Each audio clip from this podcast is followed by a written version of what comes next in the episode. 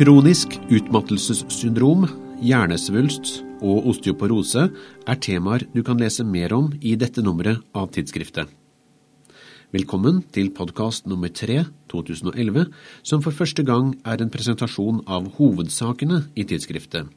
Jeg er medisinsk redaktør Erlend Hem. Treningsbehandling kan redusere graden av utmattelse ved kronisk utmattelsessyndrom.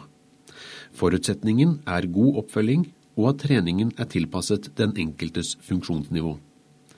Effekten på smerte og helserelatert livskvalitet er usikker, viser en metaanalyse Lillebeth Larund og Kirsti Malterud har gjort. Line Oldervold har skrevet en lederartikkel om temaet, og også tidsskriftets web-TV handler om treningsbehandling ved kronisk utmattelsessyndrom. Du finner videoen på våre nettsider. Høygradig gliom er en ondartet hjernesvulst med et aggressivt vekstmønster og rammer 200 nordmenn hvert år. Vanligste symptom er fokale nevrologiske utfall, epileptiske anfall og trykksymptomer. Diagnosen er basert på MR-undersøkelse og biopsi, skriver Anette Storstein og medarbeidere i en oversiktsartikkel. Per i dag finnes det ingen kurativ behandling for høygradige gliomer, men kirurgisk eksisjon med påfølgende stråleterapi, eventuelt også kjemoterapi, gir noe forlenget overlevelse. Prognosen er dårlig, og data fra Kreftregisteret viser at pasienter i gjennomsnitt lever ni måneder etter bekreftet diagnose.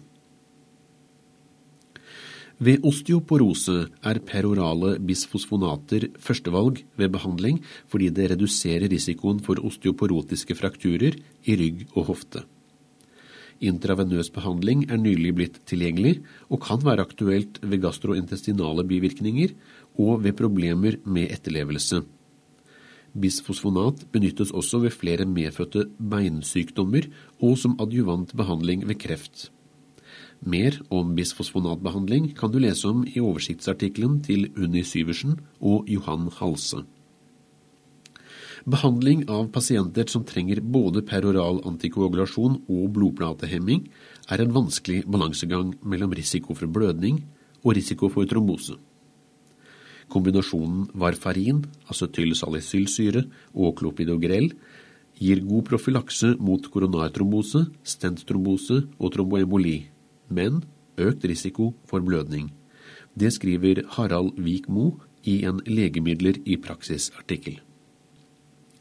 Både biologiske, psykologiske og sosiale faktorer bidrar til psykiske lidelser. Hvordan virker disse faktorene sammen?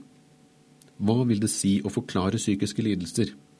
En multiforklaringsmodell kan gi svar på spørsmålene, skriver Ståle Gundersen i en kronikk.